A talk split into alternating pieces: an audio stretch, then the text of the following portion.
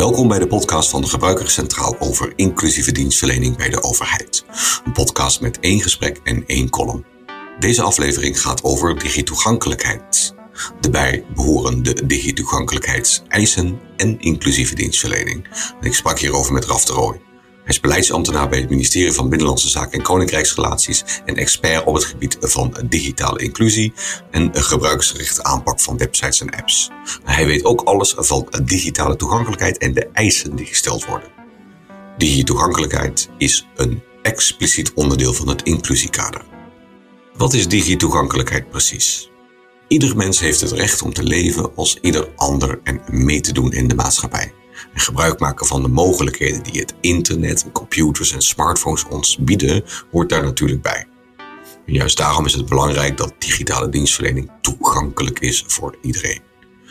Als websites goed in elkaar zitten, kunnen ze door iedereen gebruikt worden, ook door bezoekers met een beperking. En dan kan echt iedereen meedoen. De toegankelijkheidseisen zijn eisen die gesteld worden aan websites en mobiele applicaties die ervoor zorgen dat mensen met een functiebeperking volledig toegang hebben tot de informatie op de websites en de mobiele applicaties. Ze zorgen er dus voor dat niemand wordt buitengesloten. De eisen gelden nu alleen nog voor overheidsinstanties. Er is nog werk aan de winkel om ervoor te zorgen dat de toegankelijkheid van overheidswebsites en apps op orde is. Speciale aanjachtteams gaan overheden die nog geen toegankelijkheidsverklaring hebben gepubliceerd daarom actief te benaderen. Daarover en nog veel meer gaat mijn gesprek met Raf de Rooij. En daarna volgt de column Wat zegt de wetenschap? Een column van Lidwien van de Wijngaard. Maar nu eerst wat meer over inclusieve dienstverlening. Iedereen moet mee kunnen doen, maar hoe weet je dat bij dienstverlening? En hoe meet je dat? En kan dat? Ik ben Wolfgang Ebbers, bijzonder hoogleraar aan de Erasmus Universiteit Rotterdam en adviseur bij PBLQ. En samen met Lidwien van de Wijngaard, hoogleraar communicatie aan de Radboud Universiteit Nijmegen en verbonden aan bureau Anne, heb ik dit onderzocht. En dat resulteerde in het toetsingskader inclusieve dienstverlening. Een methodiek om concreet te toetsen hoe inclusief overheidsdienstverlening is. En dan gaan we nu langzaamaan richting het gesprek met Raf de. Zoals gezegd, de toegankelijkheidseisen zijn een expliciet onderdeel van het inclusiekader. Sinds 23 september 2020 zijn overheidsorganisaties wettelijk verplicht om voor hun websites een actuele toegankelijkheidsverklaring te publiceren. En wanneer nog niet aan alle toegankelijkheidseisen is voldaan, hoort bij de verklaring een verbeterplan. En vanaf juni 2021 moeten overheidsorganisaties ook voor hun mobiele applicaties, ook wel apps, een toegankelijkheidsverklaring publiceren. Op die manier maak je inzichtelijk hoe het zit met toegankelijkheid in een organisatie en kunnen ze daar ook op worden aangesproken. Maar het helpt organisaties natuurlijk ook zelf in het verbeteren van hun toegankelijkheid.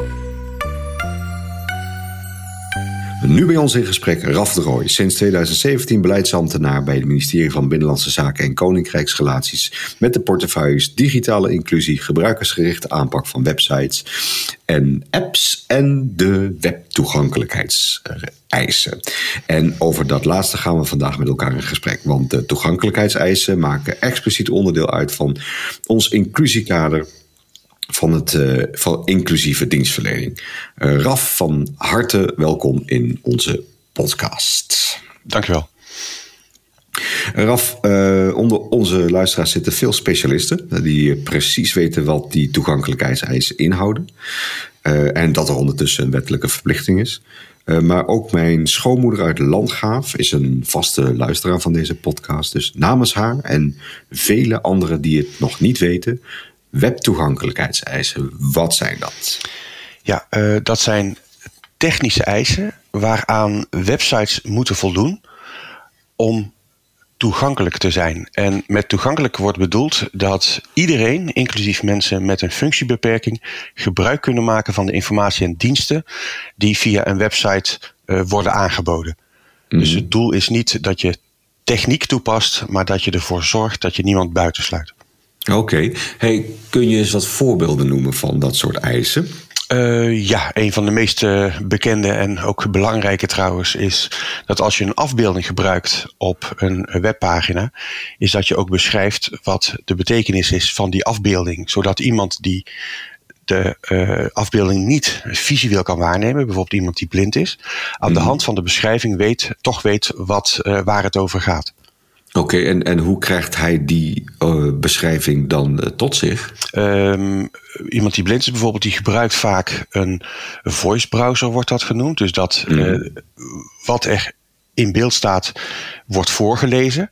Mm. Of gebruikt daarvoor een braille leesregel. Uh, braille is uh, het schrift voor mensen die blind zijn. Mm. En uh, een leesregel is een, wordt onder een toetsenbord be bevestigd. En daarmee kun je dus eigenlijk een pagina gewoon uitlezen. Oké, okay. en dan leest hij dus automatisch een stukje tekst voor wat dan is ingevoerd bij die afbeelding. Exact. Oké, okay, die uh, webtoegankelijkheidseisen, gelden die eigenlijk ook voor het bedrijfsleven of onderwijs of de zorg? Uh, nog niet. Um, ze zijn op dit moment alleen verplicht voor wat door de Europese Commissie um, overheidsinstanties wordt genoemd. En uh, er is inmiddels een nieuwe, dat noemen ze de Europese toegankelijkheidsakte. Mm -hmm. uh, waarin ook uh, de verplichting wordt opgelegd aan uh, bedrijfsleven, onderwijs en zorg en andere instellingen die publieke diensten verlenen. Mm -hmm. Dus het, het, komt er, het zit wel in de pijplijn, begrijp ik dat? Goed? ja, juni 2025 gaat het dus ook gelden. niet voor alle websites, maar als het gaat over inderdaad publieke dienstverlening. Oké, okay, dus onderwijs en zorg zit daar wel bij. Bibliotheken neem ik aan. Maar het bedrijfsleven niet? Uh, bedrijfsleven ook, als ze dus inderdaad uh, dit soort diensten aanbieden. Oké, okay. oké, okay, dus voor een breed publiek. Het is een behoorlijk breed, ja. Maar uh, doet, dat, dat doen eigenlijk wel heel veel bedrijven, denk ik dan. En gaat dat dan ook voor de supermarkten of voor vliegmaatschappijen? Uh, ja, met name die laatste. Uh, voor supermarkten uh, zal het deels gelden. Het, mm-hmm. is een, uh, het is de Europese toegankelijkheidsakte is trouwens een, heeft een andere insteek dan de toegankelijkheidsverplichting die nu geldt voor de, voor de Rijksoverheid. Maar het gaat met name om dat als organisaties uh, publieke diensten verlenen of diensten verlenen, dat die diensten ook op een toegankelijke wijze worden, worden aangeboden. Oké. Hey, uh, en nu zegt de wet dat per 23 september jongsleden 2020 uh, alle uh, websites volledig moesten voldoen aan de eisen in die wet. en ondertussen zijn jullie per 14 december 2020 begonnen met het instellen van aanjaagteams. Omdat, en ik citeer even jullie eigen website, er is nog werk aan de winkel voor de toegankelijkheid van overheidswebsites en, en voordat uh, toegankelijkheid van overheidswebsites en apps op orde is. Terwijl het volgens mij al jaren bekend is dat deze wet er zou komen. En bovendien zijn de eisen opgenomen in de verplichte standaarden voor, van forumstandaardisatie. En dat brengt me eigenlijk bij de vraag van wat, wat ging er nou dan mis? Um, ja, dat is een hele goeie. Er ging eigenlijk niet zo heel veel mis. Uh, um, wat, wat, er gebeurde is dat in de aanloop naar de verplichting uh, er een aantal uh, organisaties een onderzoek had gedaan en daar op basis daarvan concludeerde is dat een heleboel van die websites nog niet aan eisen voldeden. Er waren drie verschillende onderzoeken met drie totaal verschillende uitkomsten, dus dat was best wel apart. Mm-hmm. Um, in feite is dat de verplichting die op 23 september geldt, is dat organisaties maatregelen moeten nemen om de toegankelijkheid van hun websites en uh, websites te verbeteren en daarover een toegankelijkheidsverklaring moeten opstellen en publiceren. Mm. Uh, dus het is niet helemaal juist dat ze volledig moeten voldoen aan alle eisen.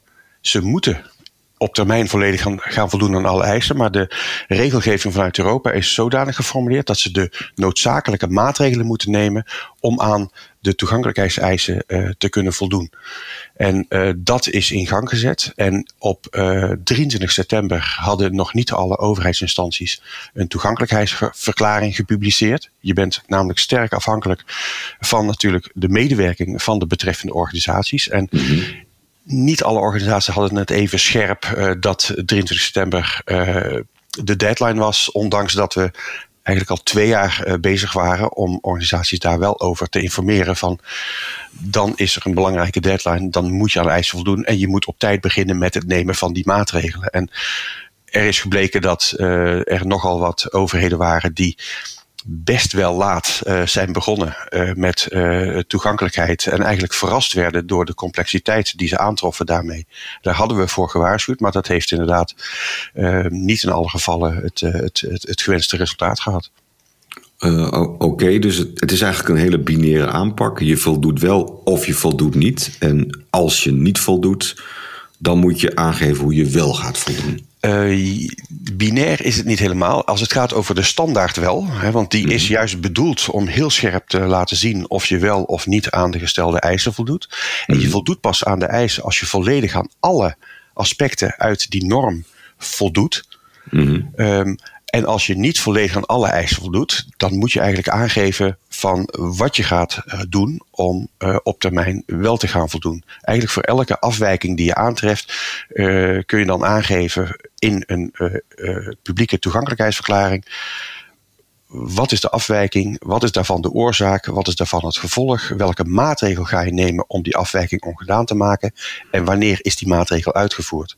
Hmm. Door dat op te nemen in een toegankelijkheidsverklaring krijg je dus een heel scherp beeld van waar een organisatie staat op het uh, punt van toegankelijkheid. Dus dan is het al gelijk niet meer zo zwart-wit. De norm is dat wel. En als voldoen aan de norm is ook heel zwart-wit. Maar wat er omheen is georganiseerd, is dat organisaties de ruimte krijgen of hebben om planmatig en stapsgewijs toegankelijkheid te verbeteren. Um, het is al een verplichting die al behoorlijk lang geldt. In 2008 zijn voor alle uh, overheden afspraken gemaakt dat websites aan toegankelijkheidseisen moesten voldoen. Toen mhm. was de verplichting nog van je moet op datum X aan de norm voldoen. En toen datum X in beeld kwam, toen bleek dat dat bij een heleboel organisaties nog niet het geval was. En dat is dus eigenlijk een van de ja, zou zeggen, uitdagingen bij digitale toegankelijkheid. Daar hoe, hoe komt dat nou dat die, eh, dat die bedrijven, de af, dat die organisaties daar nog niet aan, aan voldeden dan, als het zo duidelijk was? Um, het was een verplichting destijds. Mhm. Het was geen wettelijke verplichting. Er waren geen sancties bij het niet voldoen aan die verplichting. En uh, dat, je zag daaraan dat een een flink aantal organisaties uh, daar goed mee aan de slag ging. Maar een aantal andere organisaties andere overwegingen maakten. Is het niet verplicht? We hebben andere prioriteiten. Uh, nu even niet. Dus dat is eigenlijk wat je, uh, wat je destijds zag. En nu kunnen we dat inzichtelijk maken met de aanpak die nu gekozen is. Of is dat inzichtelijk geworden zelfs. En ehm, hebben we ook een beeld van organisaties die eigenlijk nog wel een been moeten bijtrekken. Oké. Maar dan is er eigenlijk nog steeds wel ruimte om te zeggen: Nou, ik stop het wel in het plan van aanpak en uh, bekijk het verder maar. Ja, de eis is uh, heel duidelijk geformuleerd. Uh, overheidsinstanties moeten de noodzakelijke maatregelen nemen om hun websites te verbeteren, toegankelijker mm. te maken. Um, ze moeten daarover verantwoording afleggen en de partijen die die die hier op, uh, de organisaties op kunnen aanspreken. In geval van een gemeente is dat bijvoorbeeld een gemeenteraad. Mhm. Die kan daarin een rol pakken, want die had, vroeger had hij eigenlijk geen informatie om daarop te acteren. En die informatie is nu wel beschikbaar. Dus je ziet mhm. dat we door die informatie beschikbaar te krijgen, de kans een stuk groter wordt, is dat er uh, opvolging aan wordt gegeven en dat er daadwerkelijk ook iets mee, uh, mee gedaan gaat worden. Oké, dus je hebt eigenlijk de, de op, op zijn minst in ieder geval de, de lokale politiek betrokken. En ik neem aan ook dat het, dat het ook de landelijke politiek is, die je, die je betrekt bij een soort van controle. Zie, zie ik dat goed? We hebben dat uh, gezien in 2006. Toen ontstond er een discussie uh, uh, in de Tweede Kamer over de toegankelijkheid van de website Kies Beter van het ministerie van. van het RIVM. Mhm. Dat was een website bedoeld om uh, mensen te helpen om een goede uh, ziektekostenverzekeraar uh, te vinden. En die site was niet toegankelijk. Mhm. En met name mensen met een functiebeperking, ja, die hebben er extra belang bij dat ze een goede ziektekostenverzekeraar kunnen vinden. Dus toen mhm. werd ook gezegd van dat gaan we fixen. Um, en toen bleek dat dat lang niet zo simpel was als werd verondersteld. En dat is denk ik een van de problemen die met toegankelijkheid vasthangen. Je hebt een norm, je hebt een verplichting, je past die norm toe en klaar ben je. Hmm. En in de praktijk werkt dat niet zo. Niet in Nederland, uh, niet daarbuiten trouwens. Uh, het, het is een stuk ingewikkelder, blijkt in de praktijk, dan je zo op eerste oog zou uh, veronderstellen. Er zijn een heleboel uh, afhankelijkheden die allemaal uh, goed opgeleid moeten worden voordat, er, voordat je succesvol daarin kunt zijn. En we zien dat succes gelukkig, maar je ziet ook mhm. vaak dat dat succes, dat dat succes uitblijft. En daar willen we juist aan werken. En daarom hebben we dus eigenlijk ook een aanpak. heeft heeft Euro, is Europa gekomen met een aanpak om ervoor te zorgen dat uh, het mogelijk is om stapsgewijs die verbetering tot stand te brengen.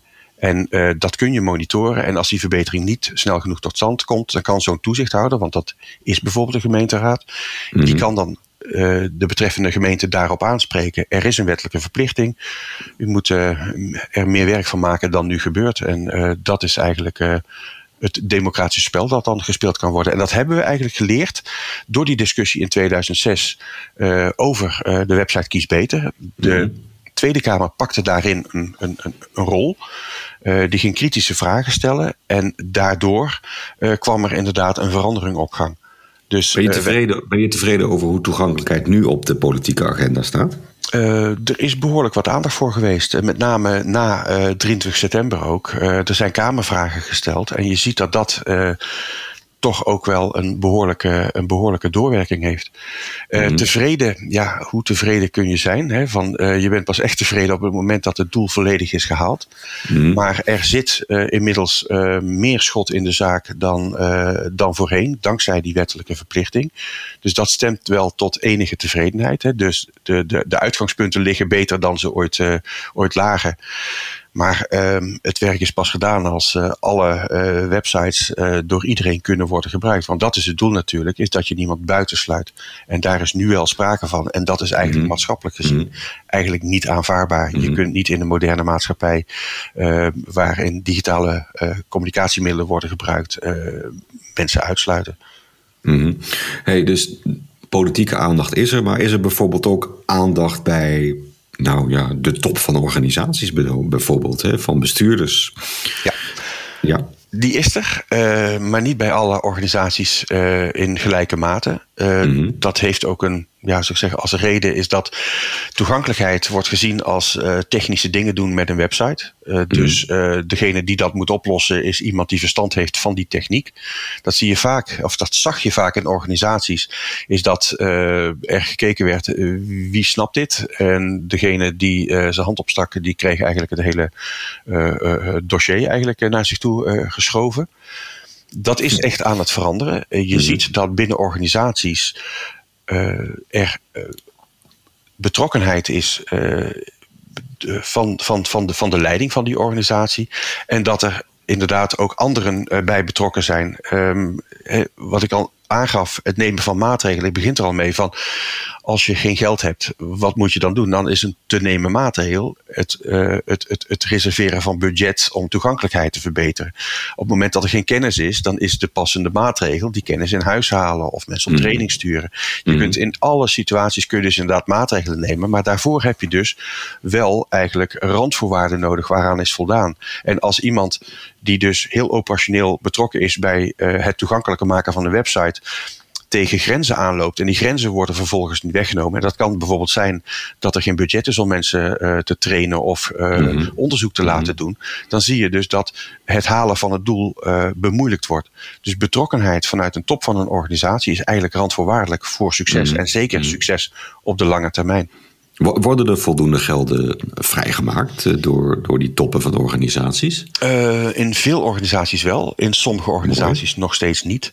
Dus dat is iets wat dus moet uh, veranderen. Ook een van de redenen waarom er verschillende aanjaagteams inmiddels uh, in de stijger staan en aan de slag zijn gegaan om ervoor te zorgen is dat uh, ja, aan de wettelijke verplichting, want dat is het inmiddels, gewoon uh, invulling wordt gegeven. Mm -hmm.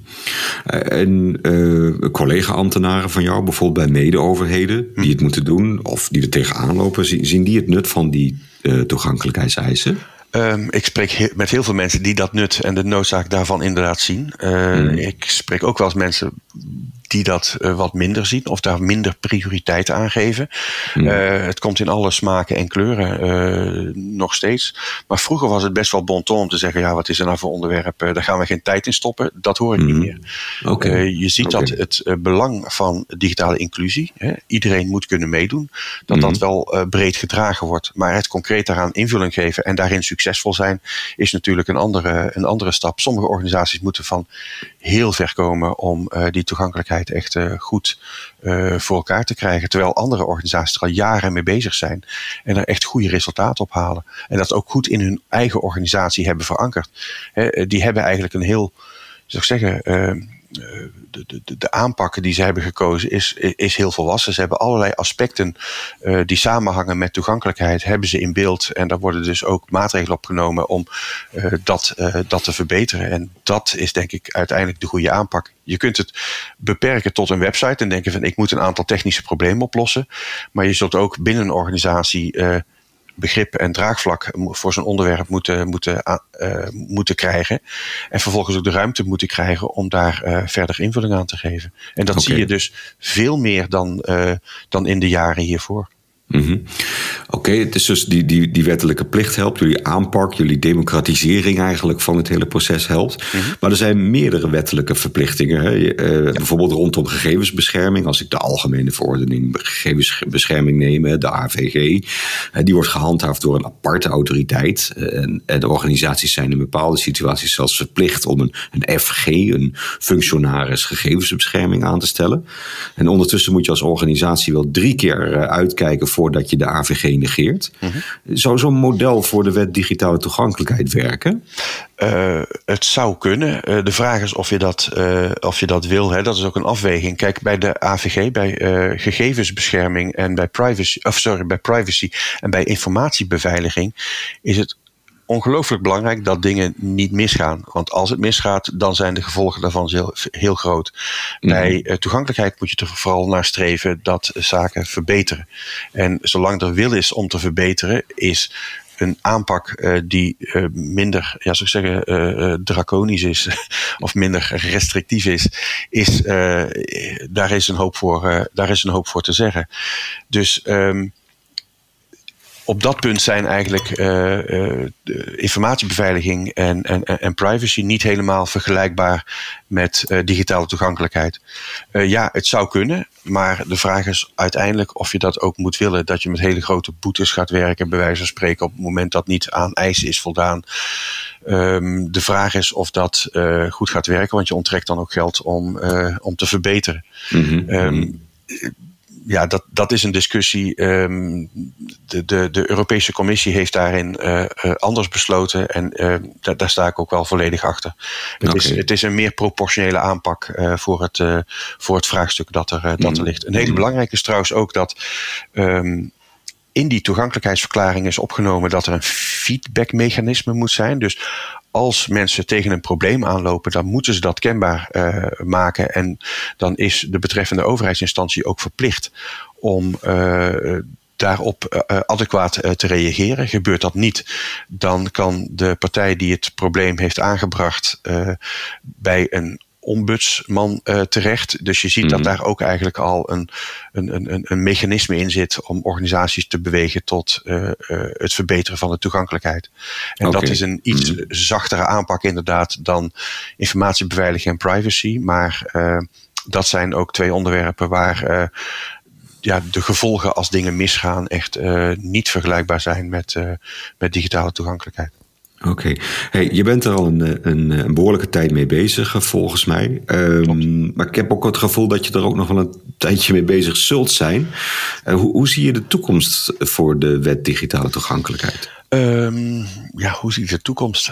ja, wanneer, wanneer denk je dat de overheden echt daaraan gaan voldoen? Ja. Ik denk dat het met name ligt eigenlijk in de volwassenheid van de aanpak van het onderwerp. Mm-hmm. Um, het is lang, uh, lange tijd is het uh, mogelijk geweest voor, voor overheden om het onderwerp uh, te negeren. En dat had geen consequenties. Mm-hmm. Um, dat ligt inmiddels achter ons. Um, er is inderdaad ook een, een, een, een op het moment dat je niet voldoet en ook geen vooruitgang laat zien, zijn er mogelijkheden om partijen te bewegen tot, tot, tot aanpassingen. Die liggen in de wet revitalisering generiek toezicht. dat is een, hmm. een wet die speciaal gaat om uh, bestuursorganen uh, te bewegen tot uh, het voldoen aan een wettelijke verplichting. Maar daar zit een heel escalatietraject aan vast. Dus mm de druk kan worden opgevoerd. en hopelijk is het niet nodig om die druk in heel veel gevallen op te voeren. Dat partijen uit eigener beweging ehm, werken aan verbetering. En dat zien we op dit moment. Want toen we eh, begonnen op 23 september, toen hadden we ongeveer, ik meen 1600 uh, eh, verklaringen online staan. Inmiddels zijn het er ook 2500, dat is een aantal maanden later. Het is nog lang niet voldoende, maar je ziet wel uh, dat die groei erin zit. En hmm. als de aanjaagteams echt goed op stoom zijn, is dat dat nog wel uh, verder zal, zal gaan toenemen. Dus het inzicht dat we nu hebben, dat stelt dus partijen in een toezichthoudende rol in staat mhm. om eigenlijk daarin die rol ook op te pakken. En dat is het grote verschil met uh, voorheen. Er was nauwelijks informatie om daar goed op te sturen. En die informatie is inmiddels wel beschikbaar. Oké, nou klinkt goed. Zeg Raf, hiermee zijn we aan het einde gekomen van ons gesprek. Ik wil je hartelijk danken uh, om jouw perspectief op dit onderwerp met ons te delen. En ik hoop dat de aanjachtteams gaan helpen en ik hoop dat de, de, de overheid echt werk eh, gaat maken van die wet digitale toegankelijkheid. Uh, Raf, bedankt en, en tot ziens. Oké, dankjewel. En dan is het nu de beurt aan Lidwien. In haar column Wat zegt de wetenschap kijkt Lidwien vanuit een wetenschappelijk oogpunt naar inclusieve dienstverlening. Vandaag in haar column Perverse prikkels. Aan de hand van de systeemtheorie onderzoekt Lidwien of deze methodiek ook is toe te passen op inclusieve dienstverlening van de overheid. En centraal in het systeemdenken staan de afhankelijkheden tussen onderdelen van het systeem. Als het netwerk zijn alle onderdelen in het systeem met elkaar verbonden. Als op één plek in het systeem iets verandert, heeft dat gevolgen voor andere onderdelen van het systeem. In het midden van de vorige eeuw werd in Rusland de economie aangestuurd door middel van vijfjarenplannen. Op het ministerie werd voor elke onderneming bepaald hoe arbeid en materialen moesten worden ingezet, in welk tempo moest worden geproduceerd en voor welke prijzen spullen moesten worden verkocht. Het idee van deze plannen was dat de input en output netjes op elkaar waren afgestemd. De praktijk was echter weerbarstig. Omdat het ministerie de productie van spijkers in kilogrammen had uitgedrukt, gingen de fabrieken heel grote spijkers produceren. Wijs geworden stelde het ministerie in een volgend vijfjarenplan de productie vast in aantallen. Dat had tot gevolg dat de fabrieken alleen nog maar heel kleine spijkertjes gingen produceren. Als je denkt dat Russische toestanden uit het Sovjet-tijdperk niet in Nederland voorkomen, dan heb je het mis. Een voorbeeld. Een paar jaar geleden konden gemeenten toegankelijkheidspunten scoren door zich aan te sluiten bij de digitale berichtenbox van Mijn Overheid. Zodra de punten binnen waren, maakten veel gemeenten geen enkel gebruik meer van diezelfde berichtenbox. Mijn vraag is: hoe kunnen we dit fenomeen begrijpen? Welkom bij Wat zegt de wetenschap? Ik ben Ludwien van der Wijngaard. In deze column kijk ik vanuit wetenschappelijk perspectief naar inclusieve dienstverlening. Wat zegt de theorie? Hoe is dat relevant? Op welke manier kun je onderzoek inzetten? En tegen welke vraagstukken loop je op? Het antwoord op de vraag hoe goed bedoelde maatregelen soms negatieve gevolgen kunnen hebben is systeemdenken. Wat is systeemdenken? Systeemtheorie probeert complexe systemen te begrijpen. In een organisatie bestaat het systeem bijvoorbeeld uit mensen, regels, normen en processen. Centraal in het systeemdenken staat de afhankelijkheden tussen de onderdelen van het systeem. Als een netwerk zijn alle onderdelen in het systeem met elkaar verbonden. Als op één plek in het systeem iets verandert, dan heeft dat gevolgen voor de andere onderdelen in het systeem. Een voorbeeld van een heel eenvoudig systeem is de manier waarop de temperatuur in je huis wordt geregeld. Als de temperatuur onder een bepaalde waarde daalt, gaat er vanuit de thermostaat een signaal richting verwarmingsketel. Die springt aan en daardoor worden de radiatoren warmer. Als eenmaal de juiste temperatuur is bereikt, gaat er weer een signaal van de thermostaat naar de verwarmingsketel en die slaat af. De radiatoren koelen weer langzaam af tot de temperatuur weer onder een bepaalde waarde zakt. Het gedrag van het systeem wordt dus bepaald door het proces van verwarmen, de signalen als input voor het proces en feedback uit het proces. Het resultaat? Een lekker warm huis. Deze systeemtheorie kunnen we ook toepassen op inclusieve dienstverlening van de overheid. Het systeem bestaat hier niet alleen uit technologie, maar ook uit bijvoorbeeld mensen, burgers, ambtenaren en politici, organisaties, regels, processen en geldstromen. Om de overheid digitaal toegankelijk te maken is onlangs nieuwe regelgeving ingegaan. In het interview met Raf de Roy dat je zojuist hoorde, legt hij uit hoe digitoegankelijk wordt ingezet. Digitoegankelijk is een standaard die onder andere betrekking heeft op de manier waarop websites gebruik maken van bijvoorbeeld tekst, afbeeldingen, vormgeving en navigatie. Volgens de nieuwe wetgeving moeten overheidsinstanties een toegankelijkheidsverklaring publiceren voor iedere website waarvoor zij verantwoordelijk zijn. In de verklaring staat in hoeverre de website al aan de eisen voldoet en welke maatregelen de instantie neemt om toegankelijkheid te borgen, inclusief een planning. Deze nieuwe manier van werken vervangt de oude manier waarin simpelweg het predicaat toegankelijk of ontoegankelijk werd uitgegeven. De toegankelijkheid wordt verbeterd door normen niet meer zwart-wit toe te passen, maar te vervangen door een systeem waarin verbeteren wordt gestimuleerd. Een stap in de goede richting. Je kunt dit vergelijken met de thermostaat van daarnet. Met de invoering van DigiToegankelijk hebben we een slimme thermostaat geïnstalleerd. Eentje die niet alleen een norm hanteert, maar één die wat intelligenter van aard is. Een thermostaat die bijvoorbeeld ook dag- en nachtritme meeneemt. Niet alleen kun je niet meer vergeten de thermostaat uit te zetten, maar je komt ochtends ook in een lekker warme huiskamer. Een hele verbetering. Tegelijk kun je beargumenteren dat hier wordt gewerkt met single loop leren. Single loop leren is het niveau van brandjes blussen. Op dit niveau loop je het risico dat onbedoelde neveneffecten een rol gaan spelen. Denk aan de Russische spijkertjes of een verwarming die het standaard dag- en nachtritme netjes doorzet terwijl de bewoners van het huis met vakantie zijn. Natuurlijk kunnen we nog betere toegankelijkheidsrichtlijnen ontwikkelen. Dat is als het installeren van een nog slimmere thermostaat. Bijvoorbeeld eentje die ook beweging registreert. De vraag die je dan echter kunt stellen is of we wel de juiste problemen aan het oplossen zijn. Om energie te besparen zou het bijvoorbeeld wel eens verstandiger kunnen zijn om niet een nog slimmere thermostaat te installeren, maar om bijvoorbeeld het dak van het huis te isoleren. Hetzelfde geldt voor het realiseren van inclusieve dienstverlening.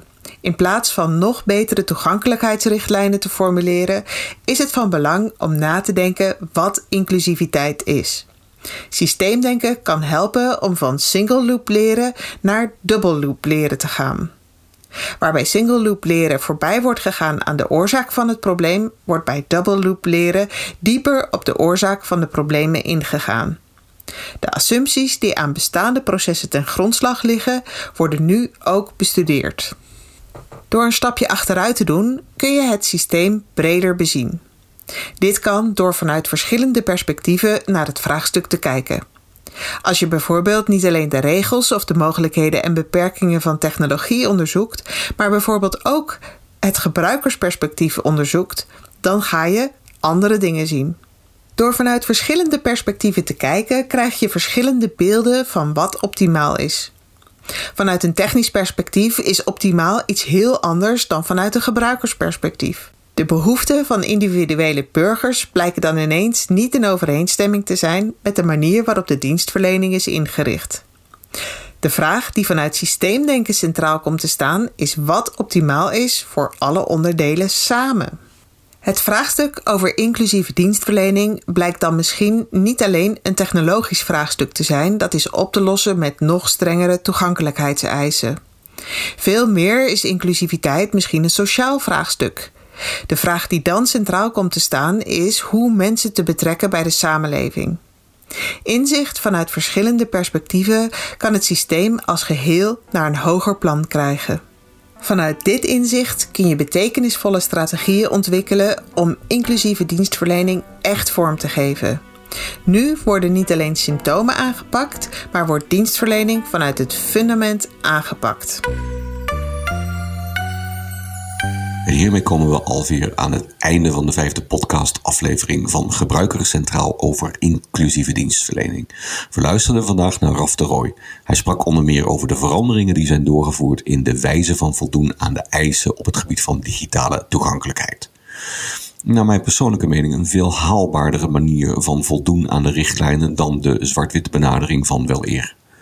En hoe haalbaarder het voldoen aan die toegankelijkheidseisen is, hoe beter dat is voor het inclusiever maken van overheidsdienstverlening.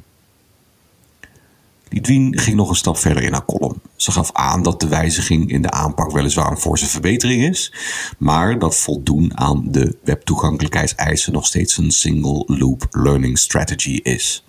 Waarbij je niet zeker weet of deze aanpak als vanzelf tot inclusievere dienstverlening leidt want wellicht zijn er bijstellingen nodig. Ze stelt daarom voor om een double loop learning te introduceren en meerdere perspectieven bij het vraagstuk te betrekken, waaronder het gebruikersvraagstuk. En dat is nou precies wat we met het toetsingskader inclusieve dienstverlening doen. Bedankt voor het luisteren. De volgende keer ga ik in gesprek met Anneke Bloemen. En zij is adviseur en coach diversiteit en inclusie bij bureau Anne. Ik praat met haar niet zozeer over inclusie van digitale overheidsdiensten, maar over inclusie in het algemeen. En dat is ook de laatste podcastaflevering in deze serie. Volg Gebruikerscentraal en de ontwikkelingen over het toetsingskader via de website inclusiekader.gebruikerscentraal.nl. Tot de volgende keer.